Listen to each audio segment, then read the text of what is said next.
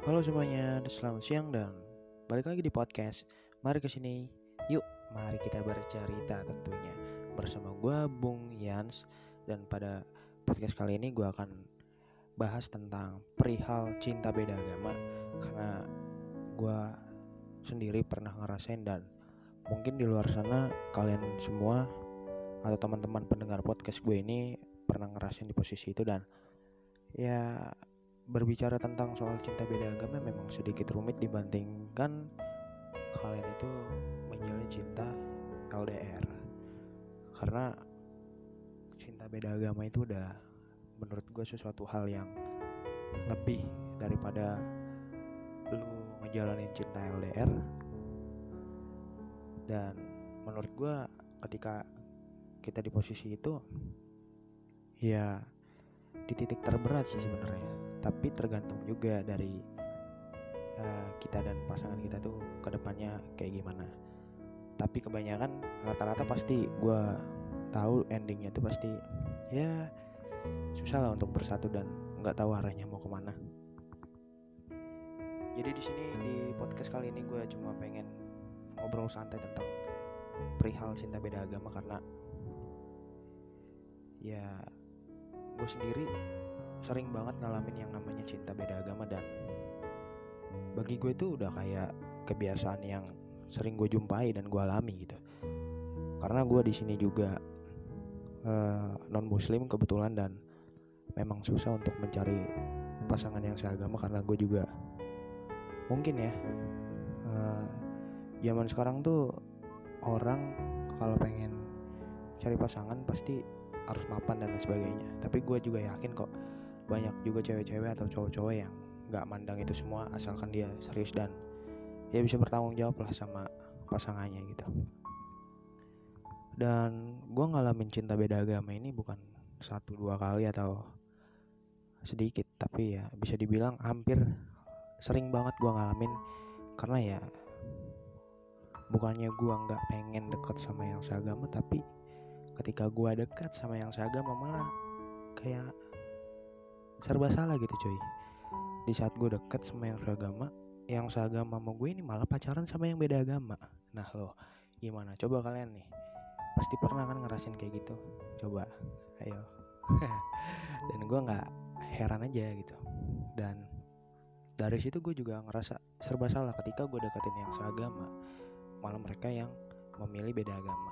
Sedangkan ketika gue memilih cinta beda agama maka gue harus tahu resikonya.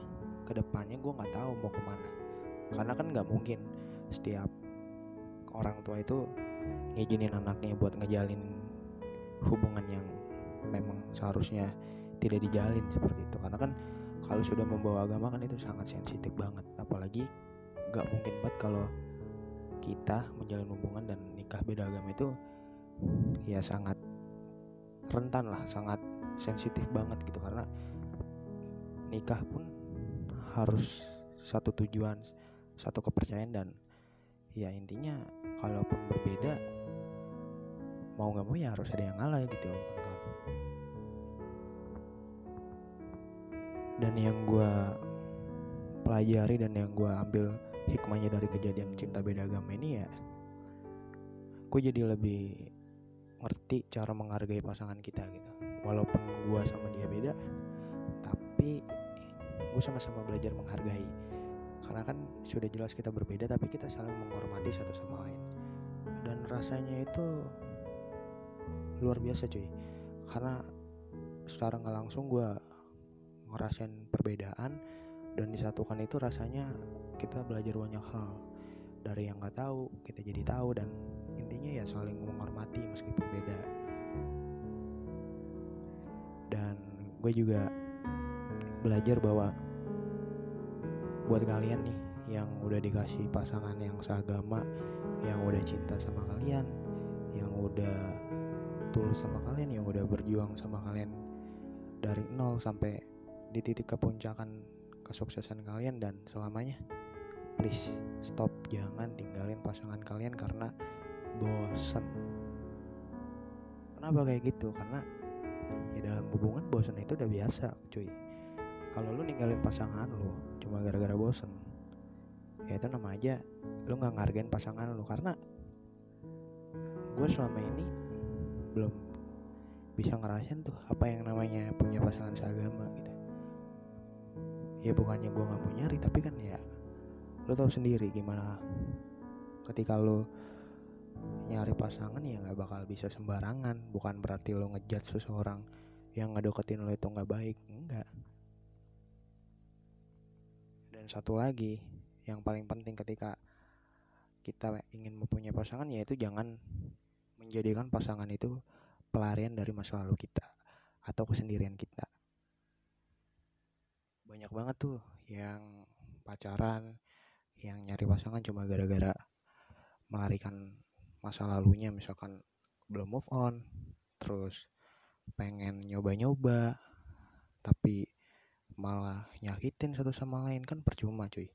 Mending lu jomblo mending lu sendiri sampai lu memantaskan diri dan lu bisa ngejaga komitmen satu sama lainnya sampai kelak suatu saat itu jauh lebih bagus daripada lo harus menjadikan cinta itu pelarian bagi lu gitu. Dan ya sebenarnya kalau ditanya salah nggak sih bang? Cinta beda agama? Enggak nggak ada yang salah. Ya cinta wajar karena kan cinta nggak ada yang tahu datang kapan aja. Tapi dari cinta beda agama kita juga belajar banyak hal yang tadi udah gue sebutin bahwa meskipun berbeda ya setidaknya kita saling menghormati dan saling menghargai kepercayaan masing-masing. Walaupun kita tahu endingnya nggak akan bersatu tapi jangan salah juga.